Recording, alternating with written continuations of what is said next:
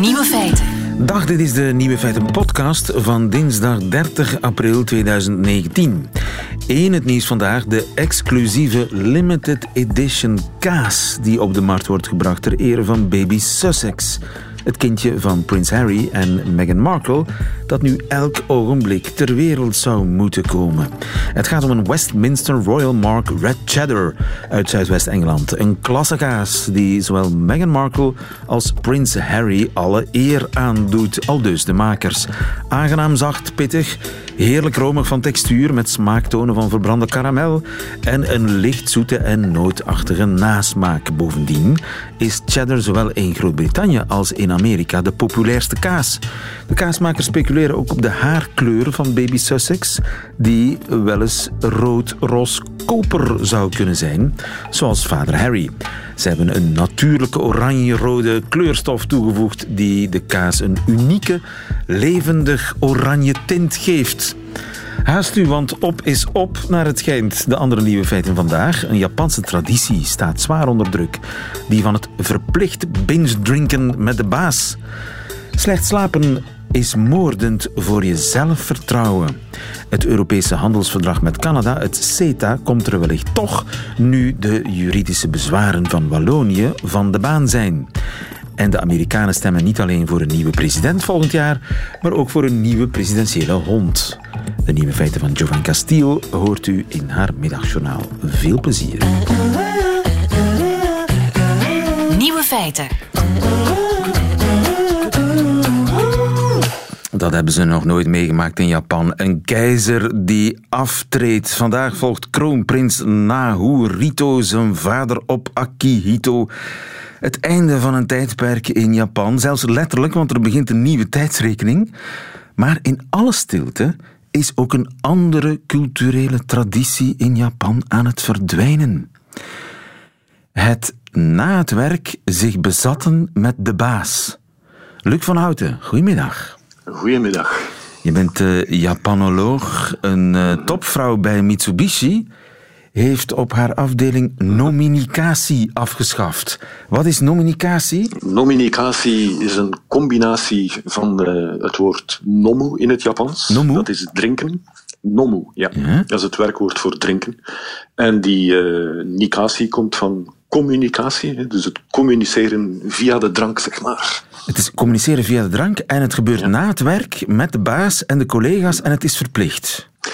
Uh, verplicht, het staat niet in je contract, maar het is een soort ja, sociale verplichting uh, in, uh, in Japan, ja. Enfin, bij, in een bepaalde bedrijfscultuur althans.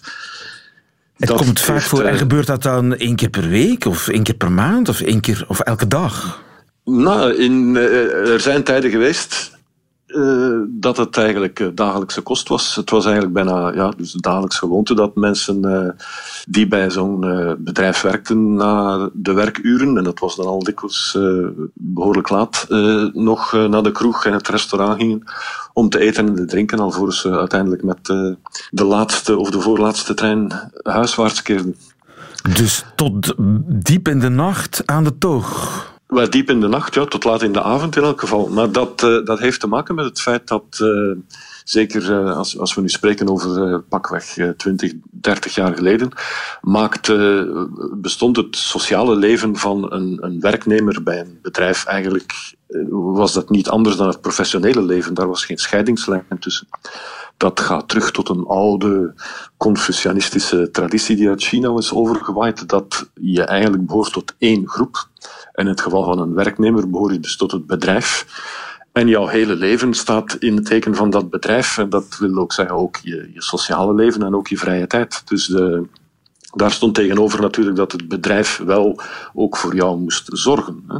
Dus uh, dat wil zeggen dat je de zekerheid had dat je tot je pensioen en zelfs daarna nog kon rekenen op het bedrijf. Ja, ja. Dus dat was een, een, een ruiloperatie, zeg maar. Dus je, je, je, gezin, je familie zag je nauwelijks. Alles wat je deed, ook in de vrije tijd. En niet alleen aan de toog hangen, maar ook allerlei uitstapjes en zo. En, ja, plezierdingen, ja. zo gezegd. Die moesten ook onder collega's gebeuren. Ja, vaak. Maar ja, of als, het dan al, als je iets kon doen met je familie, dan ging je naar bijvoorbeeld een, een vakantiedomein dat eigendom was van het bedrijf. Waar ze, een, een, vakantiedorp, waar ze, daar kon je dan ook naartoe. Dus het, het, het werkte wederzijds, maar je kon er eigenlijk de, typ, de typische salaryman, zoals ze die dan met een Engels neologisme in het Japans noemden, um, toen dat uh, op zijn hoogtepunt was, die, die, ja, die, die kende eigenlijk bijna geen weekends of, of avonden vrij. Dus dat ja, allemaal in Maar waarom dronken worden?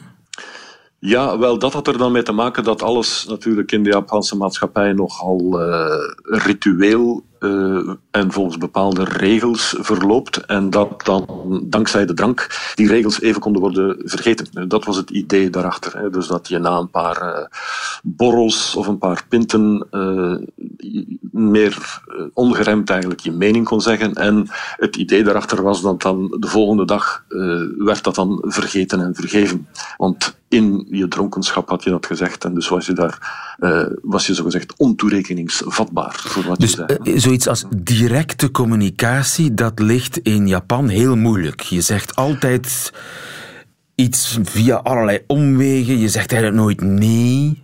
Nou, het, dat, ik ook weer terug naar dat confessionistische model, dat er is een, een zeer strikte sociale orde. Hè. Dus ook binnen een bedrijf, de hiërarchie is van uh, groot belang. Dus dat wil zeggen, de, de grote baas is de grote baas en dan heb je een aantal bureauchefs en afdelingshoofden. En het is niet de bedoeling dat je tegen je baas of je overste uh, vrijheid je mening zegt binnen de werkuren. En dat, wordt dan, dat werd dan zogezegd wel mogelijk gemaakt uh, na de werkuren onder invloed van drank. Enfin, dat was het de theorie natuurlijk, hè.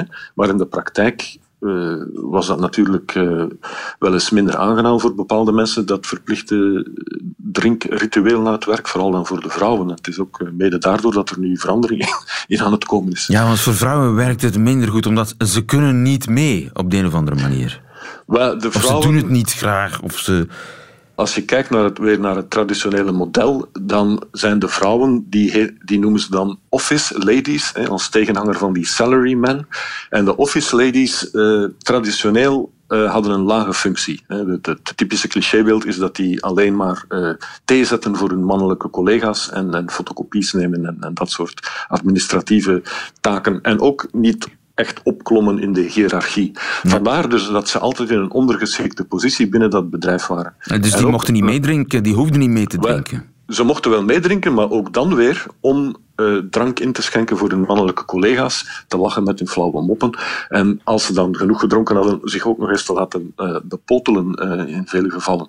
Dus vanzelfsprekend vinden ze dat niet aangenaam. En daar komt dus meer en meer reactie op natuurlijk in deze toch iets modernere tijden, zeg maar. Want in Japan is er nog steeds een grote kloof tussen man en vrouw, ook in het werk. Er zijn minder vrouwen die opklimmen tot managementfuncties. Ja, het is aan het veranderen, eh, zoals dat ook bij ons uh, gaandeweg is veranderd. Maar uh, als je het vergelijkt bij, met uh, zeg maar de meeste Europese landen, is het er nog wel een stuk achterop. Ja. Als je ook naar officiële cijfers kijkt van organisaties die dat onderzoeken, bengelt Japan nog redelijk onderaan. Ja, en zo moeten we dat zien als dan toch een vrouw opklimt, zoals bij Mitsubishi, naar een hoge post, mm-hmm. dat zij dat bezatten afschaft.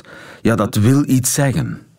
Dat wil iets zeggen, ja. Het is, zij is natuurlijk, het is maar een kleine stap. Zij is de, de eerste en voorlopig ook de enige die dat doet, omdat er natuurlijk ook nog weinig vrouwelijke CEO's bij zulke grote bedrijven zijn, om te beginnen. Hè. Uh, bij kleinere bedrijven is dat al uh, veel veranderd. Er zijn ook wel modernere uh, mensen die, die zeggen van kijk, bij ons hoeft dat allemaal niet meer. Dus er is wel veel veranderd. er komt ook bij kijken natuurlijk dat door de aanslepende economische crisis is het ook een besparing uh, om dat soort dingen niet meer te doen. Want uh, allee, ik herinner me nog goed, vroeger toen ik, toen ik zelf nog in Japan woonde en ik ging, dan was het wel de bedoeling dat er dus een, op het einde van de avond werd er een ryoshu sho gevraagd. Dat is een van de eerste woorden die ik in die context leerde. Dat is een, een soort ontvangstbewijs, een resuutje. En dat werd dan ingediend bij de boekhouding. Dus al dat gezuip, dat gebeurde dat gebeurde op kosten van het bedrijf. Tradities staan onder druk in Japan. Dankjewel, Luc van Houten. Goedemiddag. Oké. Nieuwe feiten. Als u slecht geslapen heeft, dan kunt u maar beter geen karaoke zingen. Goedemiddag, professor Van Zomeren. Goedemiddag. Eus van Zomeren, slaaponderzoeker van het Nederlandse Herseninstituut. Uh, u heeft goede en slechte slapers karaoke laten zingen. Hoe kwam u daarbij? Ja, het is eigenlijk gebaseerd op mijn eigen muziekverleden. Um, als je je eigen stem hoort, uh, en zeker als dat een beetje valsig is, dan kan je wel door de grond zakken van ellende. Um, dus dat wilden we eigenlijk gebruiken om te kijken of we in onderzoek echt emoties konden induceren bij mensen. Dat werd vroeger veel gedaan met plaatjes, maar uh, zo'n schaamtevolle ervaring als je zelf vals horen zingen, ja, dat gaat je niet in de koude kleren zitten. En uh, dat wilden we indiceren in het onderzoek. En dus hoe ging dat onderzoek? Mensen moesten karaoke zingen? Ja, ze zongen mee. Uh, ze hadden een koptelefoon op. Daar hoorden ze andere zangers op, of zangeressen en muziek. Uh, ze konden zichzelf niet horen door die koptelefoon. Uh, ondertussen namen wij hun stem solo op. Uh, en dat speelde dan weken later af. Uh, ja, en omdat ze zichzelf niet hadden kunnen horen bij het zingen, konden ze zichzelf ook niet corrigeren als ze van de toon afraakten of uit de maat gingen. Dus het was werkelijk afgrijzelijk. Ja, dus een soort mensen martelen hè, op die manier. Dus je, je, ja. je, je, moet meezingen, maar je hoort jezelf niet. Nee. En dan later hoor je je eigen stem. En dan? Ja. Ja, nou, wat er dan gebeurt is dat je je lichamelijk echt van slag voelt. Van, oh, gadverdari. Ik was de eerste proefkonijn om het uit te proberen. En ik kan je zeggen, het zweet stond in mijn handen van ellende om te horen hoe vals dat kon zijn. Um, en welk liedje was het? Uh, het, we hebben gedaan uh, Gloria in, in, Excelsis Deo. En, uh, ja, ja. En dan zo heel langzaam. En je kan je voorstellen hoe, de, hoe, je dat dan, hoe dat dan gaat. Um, en we hebben ook het Wilhelmus laten zingen. En volgens mij nog een liedje, weet ik even niet. Ja. Weet ik. Maar een vals geval... Wilhelmus, jeetje. Ja, ja. In, in maar goed, dus later krijgen dan de, de zangers zeg maar, hun eigen valse stem terug te horen. En ga je ja. dan de schaamte meten? Ja, wat we hebben gemeten is in welke mate mensen van slag waren. Dat hebben we ze gevraagd, maar we hebben ook gemeten in de scanner, in de MRI-scanner. Dan kun je kijken welke hersengebieden worden actief bij het luisteren daarna. En we hebben ook nog gekeken naar, nou, wat ik net al zei, uh, als je gaat zweten, als je het zweten in je handen gaat staan. Ja. Dat is ook een maat voor van slag zijn. Nou, mensen waren goed van slag. Dat zagen we aan alle responsen. Subjectief, het zweten en ook uh, hersenactiviteit. Maar was er een verschil tussen mensen die goed en mensen die slecht slapen? Nou, wat het, wat het aardige was uh, van het onderzoek was dat zowel goede als slechte slapers uh, reageren. Uh, op die, dat, dat valse zingen van zichzelf. Uh, maar als je dat dan een dag later weer laat horen aan goede slapers, dan hebben ze er eigenlijk wel een beetje vrede mee gekregen. En ook in het brein zie je dat ze niet meer zo van slag zijn. Die emoties hebben een plek gekregen, letterlijk een andere plek in het brein.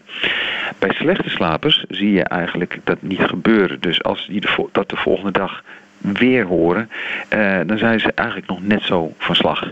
En soms zelfs meer van slag. Dus normaal gesproken heb je profijt van slaap bij het opruimen van emotionele spanning. En het lijkt erop alsof dat bij slapelozen niet gebeurt. En misschien worden die mensen zelfs wel slapeloos omdat ze de spanning niet goed, goed kunnen opruimen. En is dat een verrassing voor jou dat uh, gebrek aan slaap eigenlijk ook een gebrek aan, ja, wat, wat zal ik noemen, emotionele hygiëne is? Ja, wat, we, wat, we, uh, wat, wat er verrassend is aan is, en belangrijk ook, is dat we zijn al lang op zoek naar oorzaken voor slapeloosheid.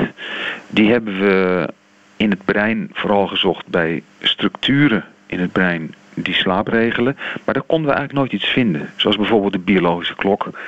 Dat was heel moeilijk om daar ook maar iets te vinden wat niet zou kloppen bij slapelozen. Dus op zich lijkt het kunnen regelen van slaap intact bij slapelozen. En dan wordt de vraag, waarom ben je dan nog steeds slapeloos? Waarom maak je van die slecht verbrokkelde nachten? Nou, als je dan aan evolutie denkt, eh, dan kom je al heel snel op zoiets als wat wij hebben gedaan. Als er gevaar dreigt, dus als je emotioneel van slag bent of gespannen bent, ja, dan is het heel erg gunstig om juist niet in slaap te vallen. En we denken dat het in dit soort hersencircuits nu zit, de slapeloosheid. Dat aanleg voor slapeloosheid moeten we waarschijnlijk zoeken in emotionele circuits en niet in slaapcircuits. Ja, en emotionele circuits die al snel in een vicieuze cirkel zitten. Precies, ja. Want kijk, normaal gesproken, slaap helpt je om bepaalde verbindingen tussen hersencellen te verzwakken en andere te versterken. En ja, dat is ook de reden waarom je sommige dingen goed kunt onthouden en sommige dingen ook goed kunt vergeten. Zoals bijvoorbeeld eh, lichamelijk van slag zijn van een schaamtevolle gebeurtenis. Ja, als dat laatste stukje niet goed gebeurt over de nacht heen, ja, dan kun je je voorstellen dat je een vollopend vat van spanning wordt. Ja. En ook de volgende nacht slecht slaapt en zo op die manier in die vicieuze cirkel terechtkomt. Zeg, dat, dat muzikale verleden van je professor, wat is dat? Um, ik heb lang uh, gitaar gespeeld uh, in de scene. En uh, ja, dat is een van de mooiste tijden van mijn leven geweest, kun je zeggen. Oh! Ja. ik, ik wil nog even terugpakken op, op wat nu het belang is van de bevinding. Want we weten al heel lang dat slapeloosheid de belangrijkste risicofactor is voor het ontwikkelen van een depressie of een angststoornis. Maar we weten helemaal niet waarom dat zo is. En daar zijn we nu een stukje dichterbij. En we zijn dan ook direct begonnen met een groot onderzoek waar we heel veel slapelozen voor nodig U hebben. U zoekt mensen. Ja, als slapelozen luisteren, laat ze alsjeblieft kijken op slaapregister.nl schuine streep stemming. Want we hebben echt slechte slapers nodig om, om nu even door te pakken en te kijken of we misschien depressie kunnen gaan voorkomen. Dus meewerken aan een onderzoek uh, als u uh, professor Eus van Zomeren wil helpen, slapelozen.nl? Nee, slaapregister.nl en dan schuine streep stemming. Oké, okay. en wat is je favoriete nummer op je hebt meegespeeld van de scene? Uh, ik blijf iedereen is van de wereld een fantastisch nummer vinden. En dat met gitaarwerk van jou? dat is zo. ja. Dankjewel, Eus. Veel succes. Heel graag gedaan. Nieuwe feiten. CETA is niet in strijd met het Europese recht en dus staat er niets meer in de weg voor Wallonië en Brussel om het vrijhandelsakkoord te ratificeren. Maar gaat Wallonië dat ook doen? Na al dat theater dat er over geweest is een jaar of drie geleden. Karel de Gucht, goedemiddag. Goedemiddag. U bent toch een van de founding fathers van CETA, dat uh, vrijhandelsakkoord tussen Europa en Canada. Ja, ik heb dat uh, als Europees commissaris genegocieerd, dat klopt, ja. En dat is toen geblokkeerd door Wallonië. Ja, dat is geblokkeerd door Wallonië en door Brussel. Omdat uh, ja, in België heb je dus geen hiërarchie van de normen. En dat betekent dat uh, ja, een, een, nationale wet of een uh, regionale wet dat die op dezelfde hoogte staan. En dus moesten ook Wallonië en Brussel hun toestemming geven. En zij hebben dat geweigerd onder impuls van Paul Magnet. Uh, en wat was die, toen het uh, belangrijkste bezwaar? Ja, het, het, bezwaar dat naar voren is gebracht was dat er een probleem was met de Waalse landbouw. Hè? Dat was het bezwaar. Maar in feite was dat één groot theater en, en, en geluktheater zou ik zeggen. Want Paul Magnet geeft zich daardoor uh, toch wel politiek een, een figuur aangemeten en, en uh, uit, is uit de schaduw getreden van, van Elio Di Rupo. En dat, dat was natuurlijk zeer duidelijk de bedoeling. Vooral ook omdat uh, Paul Magnet uh, was, tot hij fulltime politiek is gaan doen, was hij professor Europees recht aan de ULB. Dus hij kent dat zeer goed en hij wist dus ook perfect dat er geen probleem was. Maar ja, het is niet dat er geen probleem is, dat hij er geen kan maken. En hij heeft een probleem gemaakt van het arbitragesysteem. Hè? Want het is die kwestie die is voorgelegd aan het Europees Hof. Ja, dus het uh, ISDS hè, noemt dat het Investor State Dispute Settlement. Wat betekent dat? Er is een uh, Belgisch bedrijf dat zich uh, gediscrimineerd voelt in Canada en men kan daartegen in beroep gaan bij dat arbitragehof en vice versa. Een Canadees bedrijf voelt zich gediscrimineerd in Europa, dan kan dat ook. En dat systeem was dus volgens hem in strijd met het Europees recht. Dat is manifest niet in strijd met het Europees recht, omdat ja, dit een probleem is van internationaal recht en de verhouding tussen Europees en internationaal recht. En daarom zeg ik ook dat Paul Magnet dat perfect wist. Maar het was mooi gespeeld. En dus dat was een steek maar op, zeg maar. Dat uh, arbitragesysteem waar juridische gaten in zouden zitten, dat moest eerst maar eens gecheckt worden met de Europese instanties. Wat er eigenlijk gebeurd is, is dat uh, u zal zich dat herinneren, twee jaar geleden Magnet dat gedurende weken geblokkeerd heeft. Uh, dat heeft tot onderhandelingen aanleiding gegeven met, met Canada, tot grote onrust ook. Ik heb toen een aantal Canadese ministers op bezoek gekregen. En wat men dan in de beste Belgische traditie gedaan heeft, men heeft aan Paul Magnet een vijgenblad gegeven. Hè. Namelijk, wij zullen aan het Hof van Justitie vragen of die regel in verband met de arbitrage, dus die ISDS, of die wel kan binnen het Europese recht. En onder die voorwaarden is Magnet dan bereid geweest om uh, Reinders de toelating te geven in de Raad van Ministers ook te tekenen voor Wallonië en voor Brussel. En dus met andere woorden niet alleen het federale, maar ook het regionale niveau te vertegenwoordigen. Dat is toen de deal geweest die men heeft afgesproken. En ik ga er dus vanuit dat er nu geen probleem meer is. Want de federale regering die heeft haar deel van het, het pact, zeg maar gedaan. En uh, de logica is nu dat ook uh, Wallonië en Brussel uh, zullen ratificeren. Maar dat zal natuurlijk gebeuren na de verkiezingen, maar ondertussen zijn de parlementen ontbonden. Ja, en ondertussen is het in Wallonië geen punt meer, want je hoort er niets meer over. Ja, er is ten gronde kan men zeggen, was er een probleem met, met de Waalse landbouw? Ja, ja, oké. Okay. Men heeft inderdaad toegevingen gedaan op het vlak van landbouw, maar men heeft ook een heleboel toegevingen gekregen van, van Canada. Maar de grond van de zaak was gewoon dat men dat politieke spel wenste te spelen tegenover de federale regering. Een andere meerderheid in Wallonië dan in Brussel. En dan krijg je dat natuurlijk. En het was ook mooi meegenomen voor Paul Magnet om zich op de politieke kaart te zetten. Ja, maar u verwacht dat er geen problemen meer zijn voor CETA. Het zal worden goedgekeurd.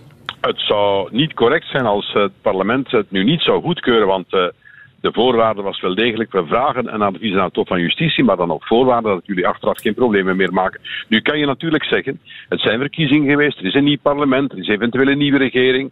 Uh, maar goed, dat zou toch niet zeer ernstig zijn, denk ik. We wachten af. Dankjewel, Karel de Gucht, voor deze toelichting. Goedemiddag. Goedemiddag. Nieuwe feiten. Ja, ze kunnen al bijna voetballen, de officiële uitdagers van Donald Trump bij de verkiezingen van volgend jaar. Met twintig zijn ze intussen. En bijna allemaal gebruiken ze hetzelfde geheime wapen tegen Trump.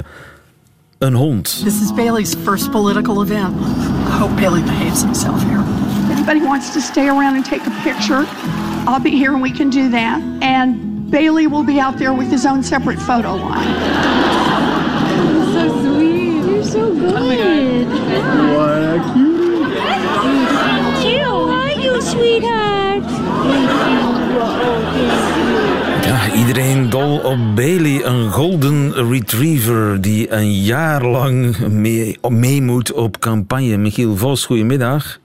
Goedemorgen. Goedemorgen daar, Michiel, want jij staat op, op straat. Je bent even uit de gym gelopen voor ons. Het is nog heel vroeg en net als een echte Amerikaan ga jij s ochtends vroeg uh, sporten, waarvoor uh, zeer veel respect. Nu, Dankjewel. Bailey is de hond van, uh, van wie ook alweer? van Elizabeth Warren. En dat is een van de eerste kandidaten. Die is aangekondigd en die een serieuze kans heeft. En zij heeft al heel lang of sinds een jaar dus een golden retriever en die gaat bij de naam Bailey. Ze heeft ook een man, die heet Bruce. En ze heeft laatst tijdens een campagne-event haar twee mannen in haar leven geïntroduceerd, namelijk Bailey en Bruce. En dan kom je die tenenkrommende filmpjes tegen op de Twitter-account van Elizabeth Warren. En daar wordt een intens geknuffeld met Bailey door allerlei fans van Elizabeth Warren. Inderdaad, zoals je zegt, op allerlei verschillende campagne-events. En deze hond die gaat een jaar mee. En dan hopelijk, volgens Elizabeth Warren natuurlijk, mee naar het Witte Huis. Waar op dit moment een president zit die geen hond heeft. En dat is eigenlijk al in hond. Geen hond. Dat is een ongelooflijk, bijna schandaal. Want al 100 jaar, sinds 100 jaar hebben presidenten in het Witte Huis een hond Trump is de eerste zonder hond sinds 100 jaar. Maar ja, hij heeft op zijn hoofd een soort van hond zitten. Hè? Het, het is bijna een Juist. soort Afghaanse windhond. Daar, dat, dat, die situatie eh, op zijn schedeldak. Dus je kunt er Ja, moeilijk zeg- nog een Afghaan naast zetten. Dat zou een beetje ik, zijn. Ik zal, ik zal de Afri- Afghaanse windhond toch iets positiefs meegeven. Ik vind, en ik kom hier meteen eh, vooruit, ik vind dat gedoe met die honden allemaal een beetje tenenkrommende meligheid.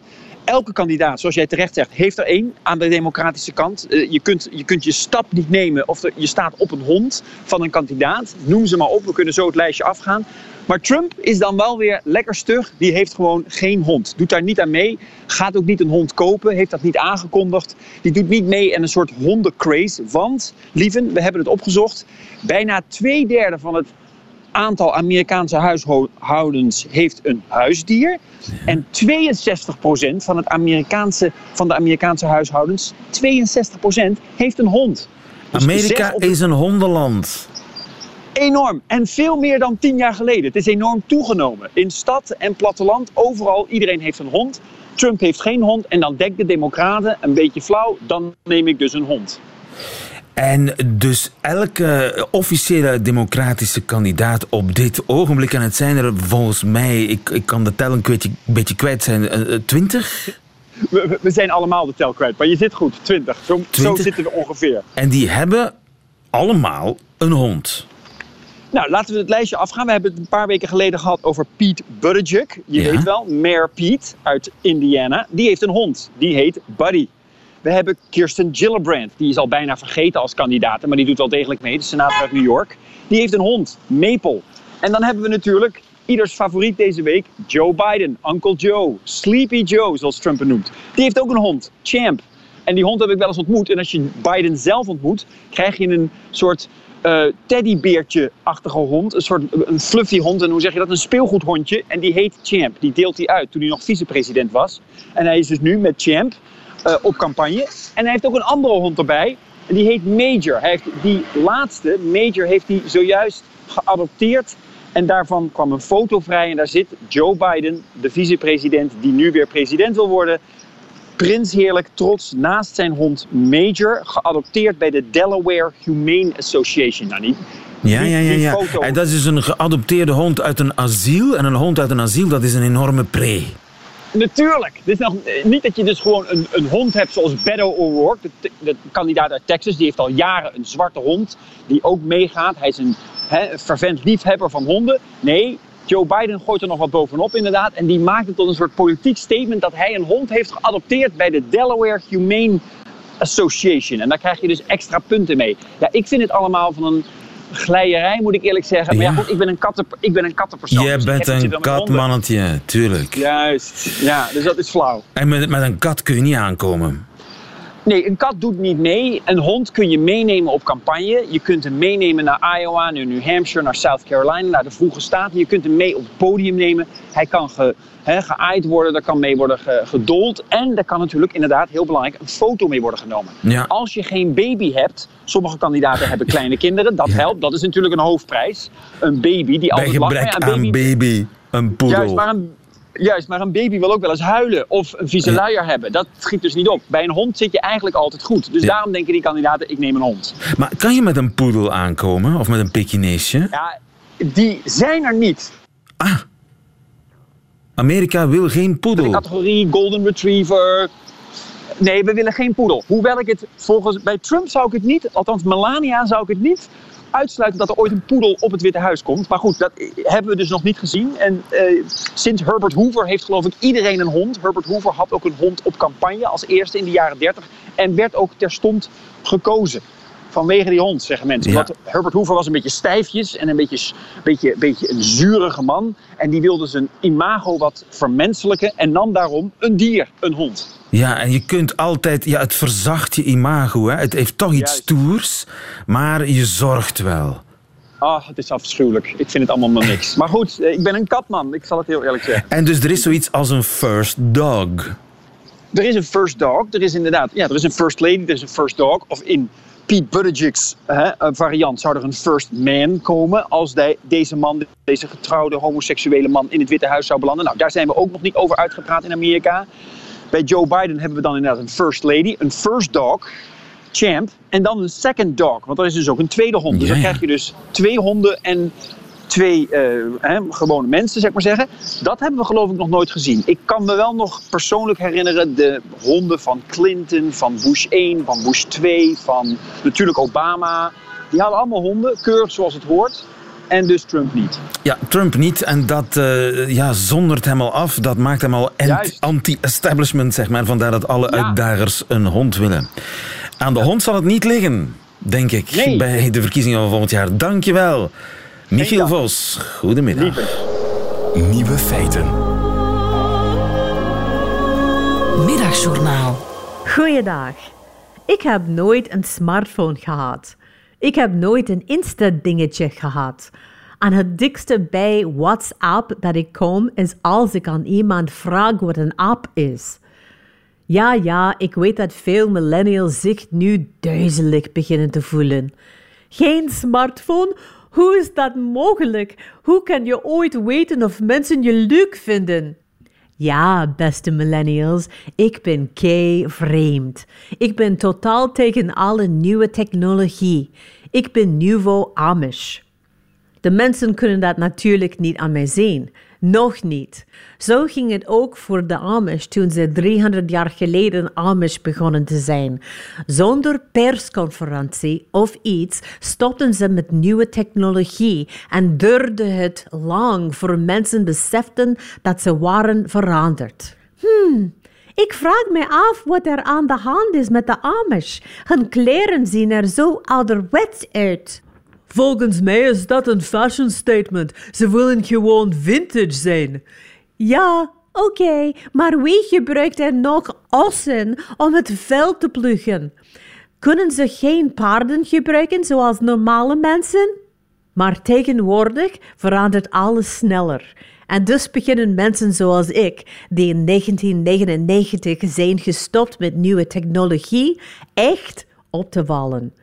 Ja, millennials, ik heb mensen zoals ik gezegd. Want ik ben niet de enige. Er zijn meer nieuwe Amish dan je denkt. We herkennen elkaar in het openbaar. Wij zijn de mensen die ons hoofd omhoog houden en naar de wereld kijken in plaats van boven een klein scherm te hangen. Ja, wij Nouveau Amish lezen boeken en kranten uit papier. Wij ontmoeten elkaar zonder naar rechts of links te swipen. En als wij een leuke ervaring hebben, dan genieten wij ervan zonder de foto's te posten en de opinies van anderen te verzamelen.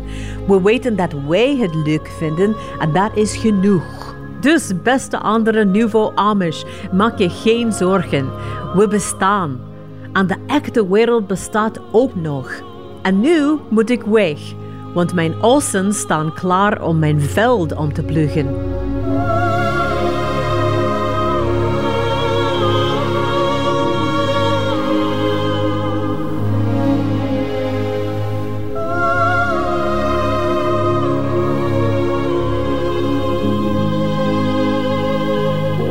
Joe van Castile, de Amerikaanse West-Vlaamse in het Middagjournaal. Meteen het einde van deze podcast, maar u vindt er nog veel meer op radio1.be en op de podcastkanalen. Tot een volgende keer.